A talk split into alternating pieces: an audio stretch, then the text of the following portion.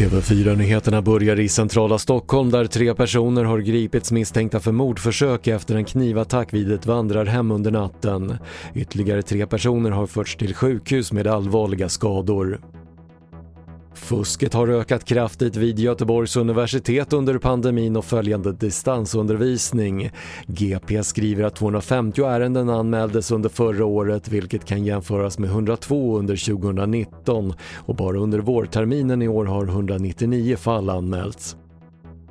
Värmeböljan fortsätter i västra USA och Kanada. I British Columbia har 60 nya bränder uppstått på två dagar och i Oregon har en brand tredubblats i storlek och rasar nu i ett närmare 600 kvadratkilometer stort område. Till sist fotbolls-EM. Italien vann finalen mot England igår kväll efter stort straffdrama inför 67 000 på Wembley. Mästerskapstiteln är den första för Italien sedan VM 2006 och andra totalt i EM-sammanhang.